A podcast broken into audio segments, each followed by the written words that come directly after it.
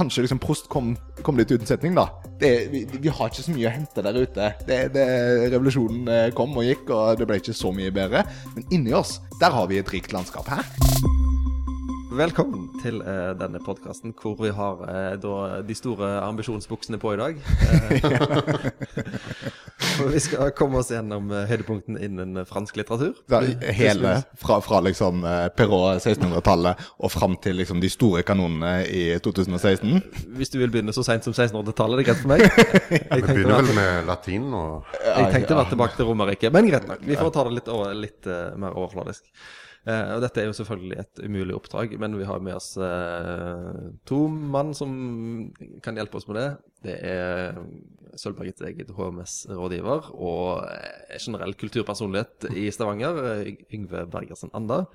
Og det er P2s mangeårige reporter og podkastkjenning Jostein Gjertsen. Hei. Hei, hei. Hei, hei. Um, jeg tenkte vi skulle begynne med å snakke litt om Frankrike som er mm. tema her, eh, og bare plassere dere i sånn, eh, en trikolor svøpt rundt hver av dere. Hvor i heksagonet er vi, liksom? Mm. Ja, Hvorfor Frankrike, eh, Yngve, først? Uh, litt tilfeldig, egentlig. Far min studerte der i sin ungdom, og fikk en del venner der nede. Så, hvor, hvor, studerte han? Han studerte i Dijon. Oh. Så uh, etterpå så reiste vi veldig ofte ned der. Spesielt veldig mye i Rhône-Alpes, ikke ja. så langt fra Rouen. Og uh, så Pluss at vi fikk veldig mye besøk fra franske venner av min far da, i uh, Norge. Så jeg har liksom alltid vært omringa av franskmenn, på en måte. Og uh, mange år seinere, når jeg skulle studere, så havna jeg litt tilfeldig nede i Rouen i Normandie. Som vel var det eneste stedet i Frankrike jeg ikke kjente. Ja. som musikkstudent på universitetet der. Og uh, der traff jeg min kone, og jeg ble boende til sammen i ti år, rett og slett. Det er interessant med Rouen, for der er det jo en, en, altså en seksjon den, uh, ved, ved, ved, videregående skolen. Altså i, i, Normandie så er det jo en seksjon ved Bayeux, der min samboer uh, har gått videregående, og i Rouen. Så det er til og med gitt ut en roman, 'Guttene i Rouen' som handler om på en måte ungdom Altså tida som skoleelev i Roma. I Roa. Ja, det, det visste jeg ikke. Bok, ja, i norsk av en tidligere eh, elev der. Ok, yes. ja. Mm. Tror den heter 'Gutten i Roa'. Var... Mm. Den må jeg lese. Ja.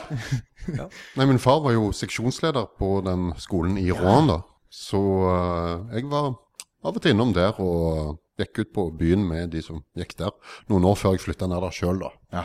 Men når jeg bodde der nede, så gikk jeg jo på universitetet, så jeg hadde ikke så mye med det å gjøre da, rett og slett. Så. Ja, det var, det var din Frankrike-historie, Jostein. Jeg hadde en veldig bra lærer på videregående i fransk. Eh, Berstad. Helt til deg, altså. En god lærer, det betyr veldig mye. sant? Og han ga forstår, Jeg tok fransk fordi jeg var dårlig i naturvitenskap, rett og slett. Liksom, du, du, velger bort noe, og så tar du noe annet. Og språk er ikke det som faller meg tyngst. Så jeg hadde fransk og tysk. Tysk likte jeg ikke. Fransk var kjekt. Vi var jo på skoletur i Reims. Eh, oppe i nord nordøst. I sånn eh, Alsace, eller, altså Det er jo champagnedistriktet der. Og så Det var jo videregående skjedde ingenting i mange år, og så ble jeg sammen med hun eh, som da har gått på videregående i, eh, i Bayeux og snakket fransk flytende. Ble misunnelig, ambisiøs og får barn, og drar til Frankrike da i fire måneder i en bitte liten by helt sør eh, langs Middelhavet på grensa til, til Spania. Eh, og lykketreff. 100 meter borte av oss så bodde da en arbeidsledig fransklærer med spesialisering i franskopplæring for utlendinger. Check. Da tar vi oss privatlærer. Og eh, på en måte jeg får denne lille kanaren, kan man si, eh, som er da en sukkerbit dyppa i konjakk, som vi gir til ungene for at de skal holde kjeft. Jeg, men på en måte det fikk jeg eh, fransken inn, og følte at den lå godt i munnen. eller et eller annet. Jeg skal ikke liksom romantisere det noe mer, men altså det, jeg liker språk, og fransk er sært nok til at det måtte gi litt kred å kunne det. Det, det, er, det er, på sida av engelsk, og, og det er Ja, du, du, du, får litt sånn eh, Jeg føler meg litt spesiell. Eh, og, og, og, det er kjempegøy erfaring å lære seg et språk. Så nå har jeg jo studert det. Hvis jeg kan få komme med en anbefaling til, i tillegg til å sende ungene på videregående skole i Rouen eller eh, Bayeux så er det, og hvis du har lyst til å studere fransk, så finnes det et utmerka tilbud på Høgskolen i Østfold, der du kan studere det som nettstudium. Så jeg har tatt det her fra Stavanger via Skype i et digitalt klasserom på deltid. To år, og er nå ferdig. Jeg har tatt årsstudium i fransk. Yes, bravo. Kan jo nevne at jeg eh, kunne nesten ikke fransk i det hele tatt når jeg dro ned for å studere. Så det ble helt sånn uh, nødlærer osv. Ja. Men uh, Havna du i mye trøbbel da, eller hva- kunne du klare det på engelsk? eh, Nei, engelsk kan du bare glemme. Ja, Iallfall da, Ja. i 1996 var dette. Ja. Da var det du, Men det, det er for så vidt en fordel. For eh, i og med at franskmenn ikke kan noe annet enn fransk, som regel iallfall, så må du. Ja. Så da, da har du liksom ikke den soveputen at du klarer deg på engelsk til du lærer språket. Du må bare hive deg i det. Og eh, jeg tenkte jo som så at det var i musikkstudium. Jeg hadde gått allerede på musikklinja og tenkte at ja ja, det går sikkert greit. Det blir mye spilling og mye noter og sånn. Men det var jo musikk eh, teoretisk, da, så der uh, tok jeg grundig feil. Men jeg kom meg nå mer eller mindre gjennom det, da. De er jo ikke redde for å legge på et par sider på pensum i det franske utdanningssystemet, har jeg fått inntrykk av. Nei. Det, og, det, det, og det er jo sånn, altså litterært interessant, så er det jo det altså, eh, Min samboer som har tatt videregående i Frankrike, der leser de hele klassikerne. Ja ja. Sant? Det er ikke det at du, le, at du, du får på en måte én du skal, du skal ha lest én Hamsun, eller jeg husker ikke mer på videregående. Leste vi i hele tatt noen av klassikerne på norsk videregående? Det var ikke mye. Vi så et dukkehjem på sånn fjernsynsteater. Men altså, jeg, jeg, mitt inntrykk er at franskmenn som har tatt bakken, de har lest Balzac, de har lest Flaubert, de har lest Stendal, de har lest Zola. De kjenner på en måte til, og de er veldig stolt av sin litterære arv, og de har, sant? De har faktisk lest de. Og det er fascinerende. Fikk du, fikk du det inntrykket når du eh, Absolutt. Absolutt. Jeg hadde f.eks. et uh, fag som heter musikk og litteratur. Og eh, jeg satt jo og følte meg som en idiot, nesten. For at alle jeg gikk med, de eh, kjente jo til alle de store Ja. forfatterne. Og ja. det, Så det er jo helt klart at de har et helt annet forhold til sin egen litteratur enn hva vi i Norge har. Det har de absolutt. Ja, han, eh, for å holde på en måte språket ved like, så har jeg en konversasjonspartner som kom her på Sølvberget med en lapp og ville snakke med en nordmann for å lære seg norsk. Han jobber i Nato. Sånn, altså Han er en Nato-offiser, han har studert juss. Men hva jeg har hatt på pensum, altså Om det er Gautier, som ikke er særlig kjent i Norge, romantiker eh, han, er, han, er, så, han har liksom ingen verk. Mm, Så sier jeg ja, jeg leser, en- leser en sånn novelle av han òg. Ja, Gautier, ja, det er 'Kapitan Frecasse'. Kom han da satt med en tittel som han har lest. Så det, det, det, det dukker opp, sant. Hver gang vi snakker litteratur, så, så, så har han referanser, og verkene, han har det inne. Og, det, og det tror jeg gir franskmennene Det kan vi komme inn på senere, men jeg tror de er utrolig stolt over den litterære arven sin. Og de kanonene de har, det er, det er- nok til å på en måte herje med Prøysen. Det kan jo òg nevnes at de har jo faktisk filosofi på videregående skole på ganske høyt nivå. Og altså, debatt i det hele tatt. Og alt som man kan på en måte ha under paraplyen intellektuelt, står veldig mye høyere i Frankrike enn i Norge. Sikkert på godt og vondt. Ja. Jeg eh, tenkte vi skulle begynne litt med lesehistorien deres. Eh, Kan dere huske ei tidlig fransk bok dere leste? Gjerne barndomsgreier, eller eh, Jeg, jeg, jeg, jeg, jeg, jeg var forberedt på det spørsmålet. Altså, 'En verden som seiling under havet' av Jules Verne var jo eh, Jules Verne må leses for barna. Jeg gleder meg til mine gamle NOx, for nå skal vi begynne å jobbe oss gjennom. Men jeg, jeg skrev ut et dikt som på en måte må ha vært det fr første franske jeg har hørt. Skal vi se om dere klarer å gjenkjenne det, for dere har åpenbart hørt dette her. Er det Prøysen? Det, det er Nerval. Det er ikke så veldig kjent. Eh, eh, toi, enfant de la terre, écoute-moi. Toi, qui as le secret de Chagma. Dans toutes les strates et les mondes engloutis. Suis Spartacus, pauvre Rebecca. Suis les mondes engloutis. Ja, ja, ja. Det er kjære minner fra barndommen. Reisen til jordens inde og Arkadia. Som Arkadia. de, Arkadia. Som de ikke gadd å oversette til norsk, den kjenningsmelodien. Ja. Som eh, Hvis man søker på YouTube, skal man høre Ingrid Olava spille den på HV-festivalen i 2007. Nylig versjon. Ja. Det, det, var, det, det må ha vært mitt første møte med fransk, tenker jeg. Ja. Og den er jeg nokså sikker på at vi kan ha til utlån på Sølvberg òg, faktisk. På DVD. Ja, det, Det må jo ja, kjekt å høre. Det kan være en madeleinekake, det, for eh, mange av oss. Det er madeleinekake for oss alle. Ja. Eh, er det noen bøker du kan huske fra Nei, det var jo eh, Jules Verne, du nevnte Jules. Verne, 'Verdensseiling under havet'. Eh, 'Frendeløs', som Ja. vel du hadde et eh, forhold til, men jeg å, å huske å ha lest. Eh, ellers er vel kanskje altså det er denne med, med Shagma og Les Misrables, som ble satt opp eh, av koret til søstera mi. Og som ga en slags vei inn i dette forferdelige universet der alle dør, og alt går til Odd Bloksberg, og revolusjonen jo ikke bringer noe mer enn kortvarig Nei. håp om Nei. noe bedre. Så det er på en måte barndommens franske inntrykk. 'Kilden i Provence', Ja, ja, ja. på, det var en fantastisk TV-film. Og du, Yngve, som vokste opp i et veldig fransk eh, miljø. Hva- Ja, hva nei, altså Jeg leste jo det jeg ville lese, sånn sett, men jeg òg har jo veldig kjære minner fra Le Monde Anglotti. Det var veldig kjekt. Og um, jeg leste òg Jules Verne, så jeg òg var jo borti uh, en verdensomseiling under havet. Det var den som rørte meg mest. Men den boken som jeg husker at jeg var mest oppslukt av, og uh, var mest bevisst på at var fransk, da, på en måte, det var 'Papillon'. Som da handler om denne franske straffangen som ja, som da rømmer fra et fengsel på en øy ute i det karibiske hav, da.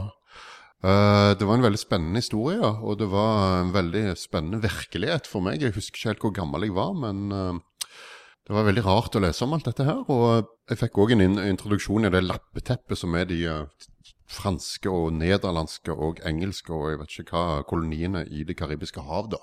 Og det området. Så det- Domains og Trimer. som- Ja, ja, ja. De er jo veldig stolt av at de har fremdeles rester av et imperium. De er Absolutt. Frankrike. Okay. Det har de. Martinique og Guadeloupe og uh, fransk Guyana. Og uh, i tillegg så har de jo en del i det indiske havet òg, da. Ja. Betyr dette at det franske imperiet er større enn det britiske for øyeblikket? Spørs vel hvem du spør. det, det er mulig at det ikke er sånn flateinnhold, men eh, på pensum nå, når jeg tok fransk årsstudium, så er det, finnes det noe sånn zone eh, economic som du har rundt kyst. Og Frankrike har til sammen ganske mye kyst. Så de har den største sånn zone eh, economic eh, hvis det er på maritim forstand, med alle sine eh, på en måte territorier eh, uten, utenom eh, eh, fransk, altså, Frankrike i, i Europa. Ja. Men altså, den papillon er jo er veldig interessant når du nevner den. altså. altså både at den gir det innblikk i hvor grusom Frankrike er med disse disse straffemetodene. Han sitter jo fem år Mm. i uh, isolasjon Mm. inni, på, på, disse, på Djevleøya. Ja. Og nummer to er vel Har han bare bløffa hele greia? Var det sant? Henri Charrière? Det er ikke godt å vite. Nei. Men det er som man ikke spekulerer når man er liten, da. Men uh... Når jeg var liten, så var det først og fremst en spennende historie. eh, sant nok. Jeg kjøpte den på fransk for noen år siden, men jeg har ikke kommet så langt at jeg har lest den igjen. Nei. Så. Det er jo en del sider man skal gjennom. Ja, og så er det en del andre bøker å lese, da, men den var et kjært barndomsminne for meg. Det var det. Når, eh, hvilken alder bør man lese den? For det er jo ting der som sitter eh, ganske rystende i et barnesinn. Det, det er noen avberetningsmetoder Ja. som vi ikke skal gå inn på, men det brukes maur. Eh, og, så jeg var vel sånn ti-tolv år ja, når jeg leste den. Jeg må ha vært sånn cirka det samme, Ja. tenker jeg. Ja, Vær litt forsiktig med å legge den fram til ungene. Dattera mi er sju og et halvt, så jeg tror hun skal få lov til å vente noen år. Ja, ja. Det høres uh, ut som en bra farsavgjørelse. Eh, hvis vi skal gå litt inn til, til eh, kjernen av eh, det som skrives i Frankrike i dag, da. Mm. Går det an å peke på noen sånne eh, strømning eller noen fellesnevner eller ting som går igjen eh, hos eh, dagens eh, samtidsforfattere i Frankrike? Ikke så jeg tenker umiddelbart, men altså det, det at det ikke er det spesielt lystige altså Det kan jo kanskje være fellestrekk. altså Det jeg har lest av, av eh, samtidsforfattere, er, altså Modiano og Wollebeck og Edvard Louis, som jeg har lest i Jeg holder på med den bok nummer to nå, uh, 'Une histoire de violence'. Eh, ikke spesielt lystige saker. Og Frankrike er jo ikke et lystig folk. De eh, har eh, høy andel av depresjon. De har en økonomi som er pill råtten. De har et politisk system som ingen tror på. Eh, og godt mulig en president fra eh, ja, men Nå skal vi ikke ta denne hele historien, altså, men, det, det, det er merkbart altså, at i Frankrike så er det en eh, håpløshet og en negativ stemning som ingen klarer å løse. Og nå er det jo har de endelig kommet seg ut i gatene igjen. Himmel og hav, hvor har de vært? Med det der Nuit de debout, eh, som kommer som følge av en ny arbeidslov. Jeg vet du stilte litt litterære spørsmål, men jeg tror kanskje bakteppet her Kjør altså, sant? Nå er de ute i gatene og demonstrerer. Litt senere kanskje enn andre folkelige protestbevegelser eh, i andre steder i Europa, i, sant? I, i Hellas og i Spania. Fordi at de trodde kanskje at Hollande De valgte en sosialistpresident eh, første gang siden 95 Ja. Mitterrand gikk av, eh, og at han på en måte skulle klare å få noe skikk på det. Men hekkan heller. For en tulling. Har ikke gjort noe. Ja, han er vel uh, den minst populære franske presidenten som noensinne har vært, Ja. mener jeg har hørt. Han har, sant? Og hva har han fått til av alle de tingene? Han skulle gi dem et nytt samfunn, bygge opp tilliten til etaten og få arbeidsledigheten ned. Ingenting har skjedd. Jeg så en fransk vitsetegning hvor det satt en fyr i en bar og sa uh, Chirac fikk oss til å savne Mitterrand. Sarkozy fikk oss til å savne Chirac. Hollande fikk oss til å savne Sarkozy. Så tenk deg det trynet som kommer til å få oss til å savne Mitt uh, Hollande. Ja, det er sant. Men i sum da, så tror jeg at uh, det er lite lystighet å spore Ja. i, i den uh, franske litteraturen. Og kanskje særlig Wollebeck tar opp i seg den håpløsheten som veldig mange føler på. Eh, han skriver jo ut ifra et kan man si, desillusjonert 68-perspektiv at de frihetene som den revolusjonen eh, lovte oss, ikke har blitt noe annet enn en kommersiell eh, utnyttelse av alt. O6. Men Han er veldig opptatt av det. ja, veldig opptatt av det. Men jeg, jeg, jeg må jo si at den siste boka hans, de to siste bøkene, altså 'Underkastelse', 'Submission' og 'Kart og terrenget', kjempebra bøker, altså. Særlig 'Kart og terrenget', syns jeg. Og den vant han jo endelig Goncourt-prisen for, Ja. mener jeg. Den satt som i kula. Utrolig spennende historie. Men, eh, faktisk, det er jo ikke det Vi kommer sikkert inn på det at frank, fransk litteratur er mest kjent for de drivende eh, plotta. Men, men her bygger jo Hollebekk faktisk inn et mordmysterium med at denne kunstneren Jed, som har veldig gøyale kunstprosjekter Han tar bilder av kart så nær at på en måte det løser seg opp på en måte hvor, hvor du er på kartet, hvis jeg, hvis jeg husker rett. Og så på en måte blir engasjert av Vollebekk for å male et portrett av han. Uh, og Vollebekk er jo en kjempetrist fyr. Akkurat som man skal tro at han er. Jeg så han forresten i en film nettopp. Eh, altså, så du den? 'Kidnappingen av Vollebekk'. Eh, han har åpenbart et sjølironisk eh, nivå som kler han, for han ser ut som en tøffel, en brukt tepose og en stumpa røyk som har ligget ute i regnet. Og, eh, eh, Litt sånn Serge Gainsbourg, kan man si. Åh, ja. Jeg syns Serge bord har kanskje litt mer klasse. Ja, jeg har sett han på en del eh, TV-intervjuer hvor eh, klasse gjerne ikke er det første ordet som springer til frem i bevisstheten, kan man si. Men eh, det er klart at han hadde iallfall uh, et stort glimt i øyet. Det hadde han. Men er du Yngve, enig i at det er noe veldig sånn et tungsinn som går gjennom det franske folk, og som viser seg i bøkene de skriver? Altså, franskmenn, når de snakker om Frankrike, så har de en tendens til å konsentrere seg om de 10 prosentene som er eliten, og eh, kanskje òg litt om eh, La Belle Époque og det, alle disse tingene. Der kommer vi nordmenn gjerne konsentrere oss litt mer om de 50 prosentene som ligger midt på. Så eh, du kan se det sånn, det er vel mer en verkebyll, kanskje, enn en stor strømning. Men uh, at det er jo helt klart at i Frankrike så har de stått på stedet hvil i veldig mange år. De har hatt eh, over 10% ledighet siden midten av 90-tallet, eller noe sånt, mener jeg å huske. Og eh, de har en høy ungdomsledighet. Og hver gang en politiker prøver å gjøre noe med det, så blir det bare kaos og demonstrasjoner og sånn. Franskmenn kan være veldig negative over mange ting. Og så det er helt klart at den strømningen er jo der. Ja. Hvor mye man på en måte liker å At man setter fingeren på det, det er en helt annen ting. Mm. Det er, Men, men eh, i, i bøkene som, som eh, er prega av litt sånn eh, depressive eh, strømninger, er det er de, er de leie seg på, på, på vegne av enkeltindividet, eller er det mer sånn samfunnstristesse at uh, Se hvor gale ver verden er blitt, eller er det se hvor ille jeg har det? Ja, altså, jeg vil absolutt si det siste. Se hvor ille jeg har det.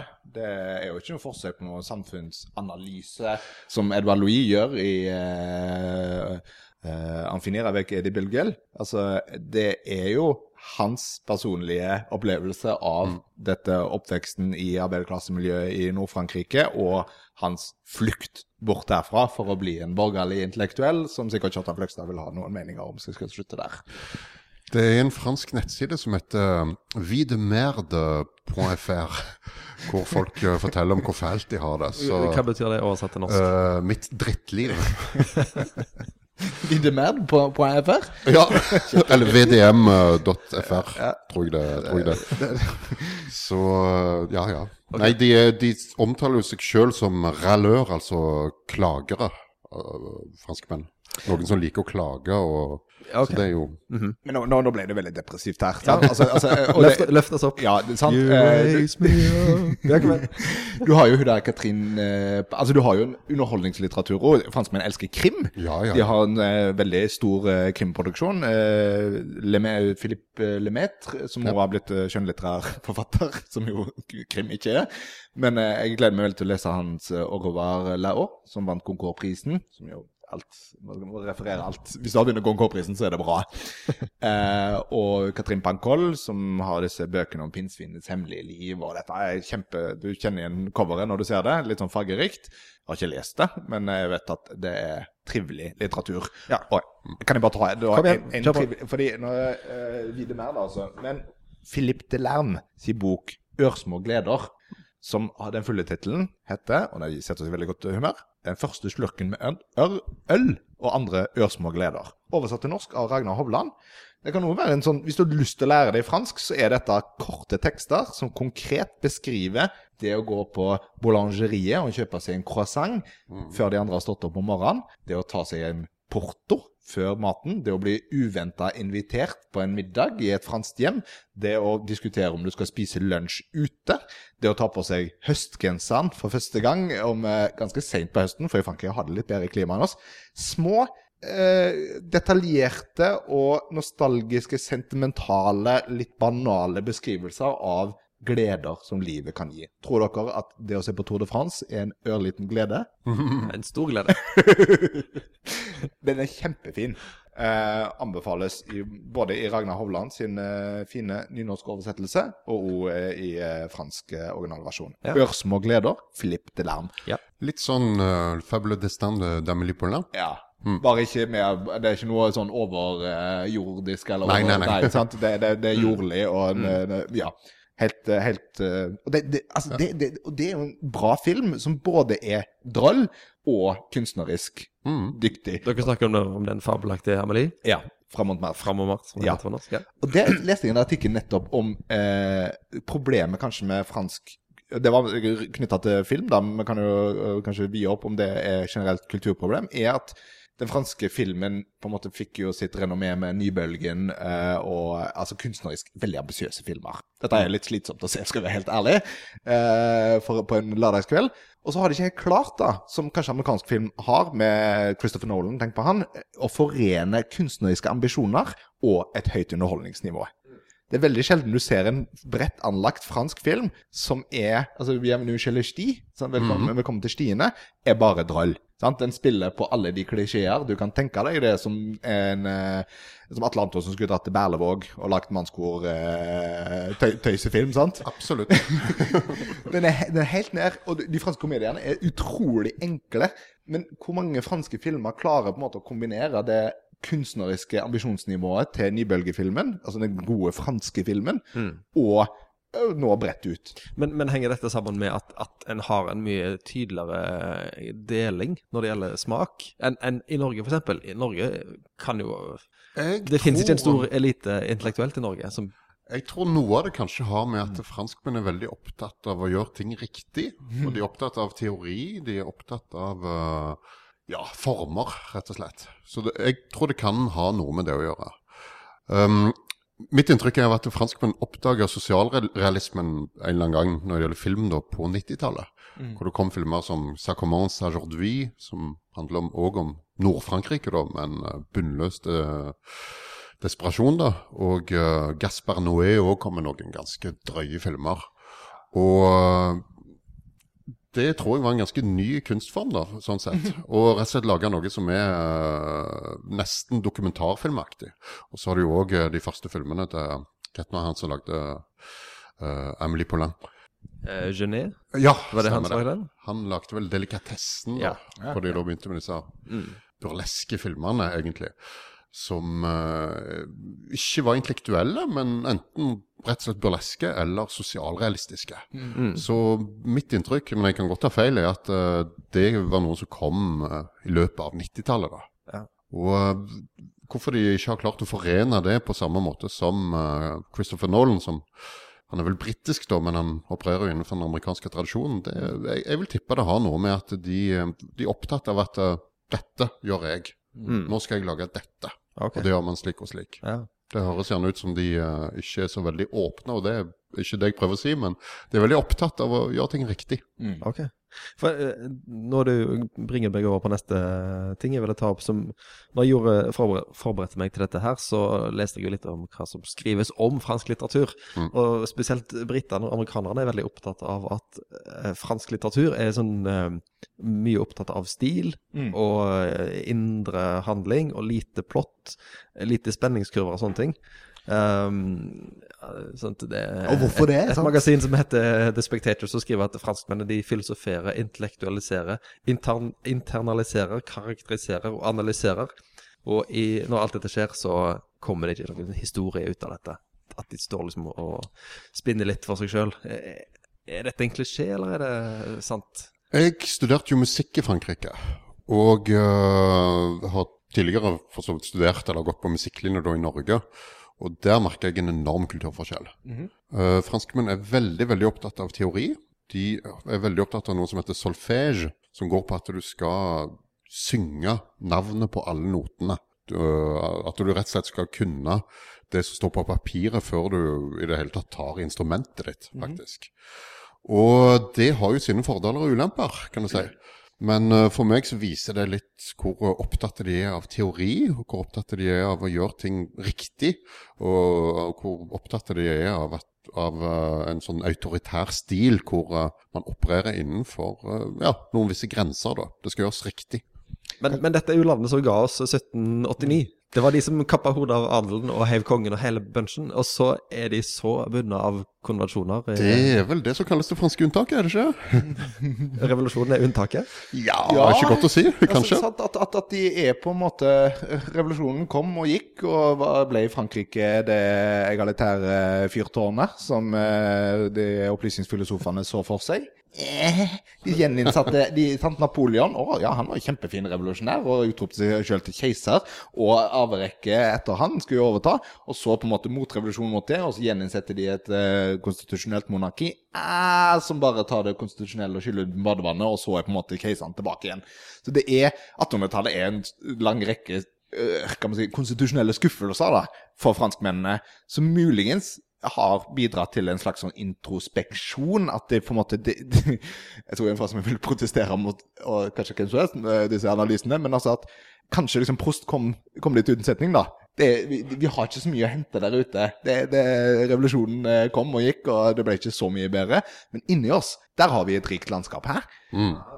Og, så, og det er jo et fantastisk verk. Nå har jeg lest bare første bind. Som er jo Nå, på- nå er du på ja, nå Marcel Prost på sporet av den tapte tid, Nettopp. som kommer eh, sant, til modernismen. Og det er, eh, og jeg tror, er jo blitt en, et, eh, en referanse i hele litteraturhistorien, og må jo igjen være et adelsmerke for franskmennene å vite at det eh, har Han er fransk. Og når jeg leste han nå nylig for første gang, så tenker jeg jo at de lange, malende beskrivelsene at det går ingen steder, men min, min eh, eh, opplevelse av denne kirkeveggen og, og, og mine tanker rundt det og sånt altså, det, det er utrolig stillestående. Det er utrolig eh, beskrivende og kontemplerende. Og jeg kan ikke forstå noe annet enn at dette her må ha gjort dypt inntrykk på hele den litterære franske folkesjela. Det, han, det, det verket han skapte der. Jeg, jeg, kan, ta et, kan jeg lese noe på norsk? Fra Ja. en, eh, en bok jeg hadde på pensum i fransk årsstudium. Marie Ndei. Eh, er det sånn du uttaler, står det? Marie Ndiaye. Ndiaye. En, eh, en eh, veldig renommert fransk samtidsforfatter som har gitt ut bøker lenge. Eh, 'Tre sterke kvinner' kom i 2009. Fikk den Goncourt-prisen. Det vet jeg faktisk ikke. Vi leser ikke høyt fra bøker som ikke får Goncourt-prisen. Men eh, det er tre frittstående fortellinger om, om tre kvinner. Eh, satt delvis til Senegal, delvis til Frankrike. Eh, far-datter-relasjon, eller far-barn-relasjon, og eh, fransk sort-hvit eh, går igjen. Vanskelig å bli klok på hva den egentlig handler om. Det er flaksen om fugler over, som gir bærer bud om eh, lykke eller ulykke. Men utrolig vakkert å lese. Utrolig sterkt å lese. Dette, det skjer eh, grusomme ting i eh, fortellingen mellom mennesker som søker bekreftelse, og, og, og hos, hos sin nærmeste. Men altså, bare hør på åpningen av disse 290 sidene. Og han som tok imot henne, eller som rent tilfeldig viste seg ved inngangen til sitt store hus av betong, midt i et intenst og plutselig så sterkt lys at kroppen selv, som var kledd i klare farger, så ut til å produsere og spre dette lyset. Mannen som oppholdt seg der, liten, tyngende, og som avga et hvitt skjær som en neonlampe, mannen som kom til syne ved inngangen til sitt overdådige hus, hadde ingenting igjen, sa Nora, med en gang til seg selv av den skikkelsen, den prakten, den ungdomskraften som tidligere hadde vært så mystisk konstant at den hadde virket uforgjengelig. Det er første setning, første avsnitt i boka.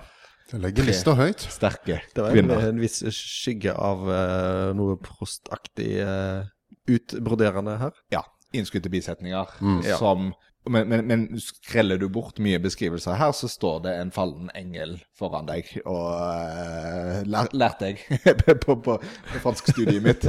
Uh, og han lyser og, og det Men det og, Så det krever litt, da. Å lese en, en eh, Men altså, akkurat hvorfor, det, det vet jeg ikke om det er Prost. Men uh, heldigvis da så vant jo Modiano uh, Goncourt-prisen i 1979. Ja. Og Nobelprisen i 2014. Ja. Og, eh, og det, det, det, det, leste jo nettopp en kjempegøy artikkel som ja. du, Yngvar, har skrevet på, Ja. på Sølvbergets side. For der er jo eh, språket noe helt annet. Ja, absolutt. Og det var jo en av grunnene til, som jeg skriver i artikkelen, til at jeg begynte å lese den i det hele tatt. At dette var et mye mer tilgjengelig språk som eh, gjorde det veldig mye lettere for meg, som ikke kunne fransk egentlig, å eh, lese det. Og jeg husker at selv om jeg måtte slå opp annethvert ord så i en ordbok, så, så ble jeg oppslukt av historien allikevel. Ja. Det, jeg ble helt sånn bergtatt av den måten han beskrev livet til han her eh, som vi aldri får vite navnet på, da, i Paris. Det er bortkasta. Ja, det er rett og slett så. For det, det som er med han, er at han eh, Modiano har et mye eh, enklere språk enn det som er standard, eller det som er vel ansett, er det sånn? Nei, jeg vil ikke si det sånn. Jeg vil si at han har noe som er mye mer tilnærmet dagligspråk. Ja. For det er en enorm forskjell mellom uh, litterært og muntlig fransk. Enorm forskjell. Og uh, det som gjerne sier litt om psyken til franskmenn, er at når du spør en franskmann hvordan sier jeg det, så vil han tenke hvordan, hvordan skal man si dette? Altså, hvordan vil jeg skrive dette i et brev til presidenten? Mens eh, egentlig er det jo ingen som sier det sånn. Så det viser jo at veldig mange har et veld, veldig lite bevisst forhold til dette, faktisk. Men eh, det språket som veldig mange eh, forfattere, journalister bruker, det har òg veldig mange franskmenn vondt for å kjenne seg igjen i. Det er jo veldig få franskmenn egentlig som leser, sammenlignet med f.eks. nordmenn, som leser bøker, som går på biblioteket, som kjøper bøker. Så, og det har nok noe med at man, mange blir litt fremmedgjort. Mm. Dette er liksom ikke en del av deres hverdag. Så Men har du fått noe inntrykk av altså, Modiano, og Når jeg leser anmeldelser av noe, så, så det, det er vanskelig på en måte å presentere han tydelig, fordi at hans store prosjekt er på en måte å utforske de minnene våre som vi ikke helt får tak i, og som vi opplever som viktige for hvem vi er. Og dette setter han inn i en litt vag krimsetting ofte. Det no, noe, noe ubehagelig kan ha skjedd, eh, og det blir aldri helt klart, og vi når aldri helt fram til en erkjennelse. Eh, jeg husker Rune Kristiansen omtalte på en måte bøkene til Modiano som å legge puslespill i mørket. Du kan føle at noe passer, men du aner jo ikke, for du ser det jo ikke. Og når, når du på en måte har noe klart, så er det fremdeles i mørket. Du kan, du, du kan ane at det er riktig, men du vet det ikke. Du mangler alltid noen biter òg. Så, så, så det er veldig vanskelig på en måte å nå ut med Og jeg har lest mange bøker om Modier nå etter at han vant prisen, for det er da akkurat da jeg begynte å lære meg fransk. Og plutselig åpner jeg en bok, og det var eh, Den fins jo ikke på norsk. Hvis de er d'enfance, altså barndommens venteværelse eller garderobe. Er det Ja, garderobe er det jo egentlig. ja, barndommens garderobe. Som er på en måte en fortelling på to plan. En fyr har dratt til et land litt i sør og jobber i radio. Haha, kjempegøy for meg. Der han lager sånne små fortellinger om, eh, om eh, Louis Dissette, altså barnet til Ludvig den 16., giljotinert, som døde i fengsel. Nei, da gjorde han det egentlig. Nei, han skriver videre på en radioføljetong om opplevelsene til Ludvig den 17. i Karibien. Dette gjør han samtidig som han tenker tilbake på barndommen der han sitter i garderoben til sin mor, som er skuespiller i Paris, et litt mørkt Ja. Paris. Og nå nikkes det kjente må de nå eh, tro på her. Og så, eh, så løser det seg opp. Han treffer noen fra fortida i, i sitt radioarbeid, og det skjer noe litt skummelt. Men hva? Hvorfor? Hvem? Aner ikke. Nei, Du merker jo at eh, han, eh, han tar jo så veldig mye fra sin egen bakgrunn. Ja. Og det er jo som han sjøl sier, at eh, for han så har alt unntatt kona hans, barnet hans og lillebroren hans som døde, har blitt fjerne minner. De har blitt romanfigurer. Ja. Så det er litt vondt å si. er, er dette en, rett og slett en biografi, eller hva er det egentlig han skriver? Så han har en lek med minner som er helt spesiell, rett og slett. Og det er vel to av de bøkene som Altså den nyeste, 'For at du ikke går deg bort', som er nydelig tittel på fransk. Det er eh, subjunktiv og greier. Det er vel 'Pour que tu te ne perds pas dans le quartier'. Ja. Eh, den er på norsk, og denne her eh, 'Gater i mørket', 'Ryddebutikk obskur', de vil jeg absolutt anbefale. Jeg, jeg, jeg tror ikke jeg har lest dem på norsk, men jeg vil tro altså, jeg, for jeg- det, Han har en 'Søndager i august' som jeg leste på norsk, som var grusom. Du, ja. Nei, jeg har ikke lest noen på Så styr unna den, og gå for uh, 'Gater i mørket' først, og så for at du ikke går deg bort av Modiano. Det er absolutt uh, vel verdt. Og for, men altså, det er absolutt, som jeg og Yngve var veldig enige om, det, det er å lære deg fransk. Da, du trenger ikke mye, Nei. og så kan du begynne å lese Modiano på fransk. Absolutt. For det som er med fransk, at du har liksom sånn uh, subjunktiv, er det du kalte det? Mm, Konjunktiv. konjunktiv. konjunktiv, ja. Ja, men en har ikke dativ, akkusativ, genitiv i sånn skjønn tysk forening? Nei. Nei. Nei, det fins verre, kan man si.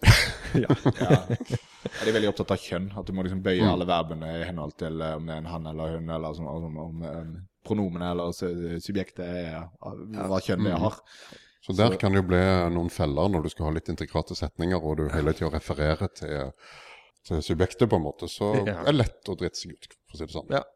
In ver du vin, s'il te plaît. Kan du, en franskmann vil skyte deg hvis Ja. du sier det. Da s- eh, ikke bare det, men av og til ser de bare dumt på deg. Ja. Um, jeg i forbifarten kan uh, uttale nasalen litt feil. Eksempel jeg kan blande vin og vin. Og uh, i det ene øyeblikket sier jeg jo vin, og det andre øyeblikket sier jeg jo vind. Og der vil en, de fleste nordmenn vil forstå ut ifra konseptet. Kan jeg få et glass vind, så er du grei. Men franskmenn kan ofte ser rart på meg og bare Hva er det du egentlig vil si? Fordi de skjønner ikke at jeg gjør den feilen. Så det er en del Ja, det er ikke lett Du får, du får hard hud av å operere i franske eh, sosiale settinger. Man skal ha tunga beint i munnen, og man må tåle å bli sett litt rart på av og til. Franskmenn vil ikke nødvendigvis applaudere et haltende fransk. De forventer at du snakker det riktig. Oi. Og det forventer de av seg sjøl òg, for altså, fransk er jo på mange måter et fremmed fremmedspråk for mange franskmenn òg, egentlig. Ja. Uh, tradisjonelt så er jo uh, Frankrike er jo et ganske stort land med veldig mange forskjellige kulturer. Og Det er mye større forskjell mellom noen fra Alsace og Bretagne og Baskerland og Provence enn det er mellom en nordmann, svenske og en danske. Mye større. Og tradisjonelt så har de jo òg veldig forskjellige språk. Du har flere minoritetsspråk i Frankrike. Du har baskisk, du har bretonsk, som er et keltisk språk. Eh, du, ikke? Nede i ja, Bordeaux? ja eh, nei, keltisk eh, Bretonsk det er en keltisk dialekt som er veldig lik, lik eh, walisisk. Ok. Eh, og eh, så vidt jeg husker, så kom bretonerne fra Wales, da. Det er tidligere briter som ble eh, Som flykta fra romerne, og etterpå angelsakserne, og som havna nede i Bretagne, da. Så Brittany, der kommer det fra. Ja. Det har jo vært en forflytning over den kanalen opp gjennom Ja, ja, ja. 100 årene. Så. Så fransk, spesielt eh, standard fransk, som da er den franske man snakker i Paris, er jo i utgangspunktet et fremmedspråk for veldig mange franskmenn. Men har ikke skolevesenet har ikke det, eh, Om det var Napoleon eller l'Académie Française til Ludvig den 14., eh, som la veldig vekt på en standardisering av det franske Ja. språket. At, man sku, altså at det ble, under, ble forbudt å undervise i det lokale tungemålet, nettopp for å forene dette store landet. Mye som vi gjorde med samene på 60-tallet. Og, eh, Men tanken bak er jo ja, god, kan man si, med litt velvilje. Det er jo alle skal forstå hverandre. En franskmann kan liksom si Hvorfor skal jeg snakke bretonsk? Det er ingen som skjønner det. Hvis jeg snakker fransk, så skjønner de det. Så de har en litt annen mentalitet der ofte. Ja. Minoritetsspråk blir liksom ikke sett på som viktig på samme måten som det kanskje blir i andre land. Nei. Og dialekter til og med blir ikke blir sett på som dumt. Ja. Her i Norge, hvor en trønder kan komme og bable i vei til en siddis, og ingen skjønner hverandre, holdt på å si, så eh, der vil franskmenn stort sett prøve å snakke standardfransk til hverandre. Selv om de har en bakgrunn i, mm. i at de snakker dialekt, så vil de prøve å modifisere det da. og Snakke mer og mer sånn som man snakker på TV, sånn som presidenten snakker, sånn som, ja, sånn som man skal snakke. Jeg, jeg vet ikke hvem som sa det, men det var en eller annen gang jeg hørte at eh, en som påstår at i Norge så gir det status, og at røttene dine kommer lengst mulig vekk fra. At forfedrene dine egentlig kommer fra en, en, en husmannsplass langt inn i en skog og levde under dårlige kår, mens en franskmann alltid vil søke å fortelle at røttene hans er i Paris. Egentlig. Er det er sant, eller er det egentlig ikke? Jeg, jeg tror at det er noe i det. Altså, hvis jeg skal sette ting veldig på spissen, så Det er det gjerne sånn at uh, franskmenn føler de bor i uh, det mest kulturelle landet, og parisere føler de bor i den mest kulturelle byen i det mest kulturelle landet. Og uh, franskmenn har nok et veldig sterkt sånn elsk-hat-forhold til Paris, er mitt inntrykk.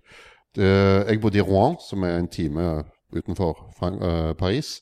Og mange av kollegene mine de snakket titt og ofte stygt om Paris, om arrogante parisere som kom til Rouen eller kom hvor som helst egentlig i Frankrike, og så på alle som omtrent halvaper. Men uh, samtidig er de jo kjempestolte av uh, hovedstaden sin. De uh, mener bestemt at det er en av de vakreste byene i verden. Det, Jeg sier ikke de tar feil i det. De har liksom ikke noe Altså, vi har jo Bergen som i størrelse er altså greit, det er halvparten av Oslo, men altså, de har en det er en maktfaktor i Norge, og du har på en måte en rik eh, Du har Vest, Vestlandet som på en måte har, ja, eh, produserer jo mye, men altså i Frankrike er Paris så ubestridt. Det politiske, det intellektuelle og det økonomiske sentrum. Og nummer to blir Marseille. Altså sånn i, i, i storbyforstand er bare en liten fis. Ja, Og, det, og, og alle presidentene har gått på de Grand Secole i Paris. Og Det, det er jo ikke sånn sant? Jeg bare kom på Per Borten, sant? som står der i trusa og striker med staur, eller eh, Jeg husker jeg så et- en video av eh, eh, Giscard d'Estaing, som var eh, president fra hva ble det da, 70, eh, ja, til til 81? Var han, ja det var ganske lenge. Ja. Til 81. Ja, for det var det 20-årsperiode, 74 til 81. Etter, og han eh, etablerte noe som het eh, sånn, Han gikk, inviterte seg selv hjem til franskmennene. Så jeg fikk se en video der han sitter og spiser middag hos en stor fransk familie som er veldig sånn eh, stivt kledd. Og så sitter de liksom og konverserer foran TV-en. Eh, og det er jo veldig stivt. Og, eh, men han på en måte løste opp det, det franske samfunnet med å faktisk gå og snakke med dem. Helt uhørt på den tida. Og så spilte han trekkspill. Det er veldig gøy. Jeg kan jo nevne at jeg så en um, reportasje på fransk TV hvor de fortalte om norske politikere. Og Da fortalte jeg at norske politikere rusla på jobb uten livvakt. De uh, tok rutefly rundt omkring på oppdrag. og det, For franskmenn er jo dette helt paradis. For at de franske politikerne de har jo ofte kjempehøye lønninger, og de har egne fly og jeg vet ikke hva. Og for, for franskmenn så syns de det er helt fantastisk å se at politikere kan faktisk eh, være sånn tilnærma vanlige arbeidstakere. Hvilket de selvfølgelig egentlig er. Ja. Så der er det en ganske stor forskjell, da, kan jeg si. Men uh, Paris uansett Altså, Frankrike er ekstremt sentralisert i forhold til hva vi er vant med. Ekstremt sentralisert. sentralisert. Alle vil på en måte Paris. eh, Det er jo ingen som vil til f.eks. Marseille, med mindre de skal ha noe spesielt der nede, eller uh, vil der nede få være. Men alle vil til Paris. Ja. rett og slett. Nettopp. Eh, vi må gå litt inn for landing her. Eh, jeg har bedt dere om å ta med tre franske anbefalinger hver. Er vel, en veldig, veldig løst eh, oppdrag. Så eh, har dere noen tips? Bøker eller film eller eh, lignende? Det. Altså, jeg vil absolutt anbefale Tre sterke kvinner eh, av Marie Ndiaye. Den har jeg lånt her på Sølvberget, eh, og fins både på norsk, engelsk og fransk. Eh, og så nevnte jeg vel òg eh, ja, 'Ørsmå gleder' Philippe Delerme. Det er det. Eh, jeg hadde en tegneserie på pensum, 'Le combat ordinaire', Manu Larsenet, som er Han er en fotograf, krigsfotograf som sliter med traumer etter opplevelser ute. Og pappaen har vært med i Algerie-krigen, og der er det mye han heller ikke har fortalt. Så alle har på en måte sin fortid som de sliter med. Ikke ukjent tematikk i Frankrike her, nei. Eh, og eh, eh, veldig fin. Det er en tegneserie. Le Combat Ordinaire fins ikke på norsk, så langt jeg har funnet ut. Le Combat Ordinaire med Manu Larsenet. Det er veldig bra ting. Kan vi se. Jeg øh, vil anbefale folk å prøve seg på Carmen Crew. Det er en kullsvart tegneserie av uh, Lelon. Som uh, handler om ei sur, gammel dame i en liten landsby et ukjent sted i Frankrike. Og uh, der har du veldig mye denne ja, det vi snakket om er den bistre, litt sånn dystre delen av Frankrike. Det, den er personi personifisert her, så den vil jeg anbefale alle å lese. Kan jo nevnes at uh, han som skrev den tegneserien, Lulong, begikk selvmord noen år etter at han ga ut alle, alle tingene. Um, og så har jeg verdens minst originale forslag. Asterix, rett og slett.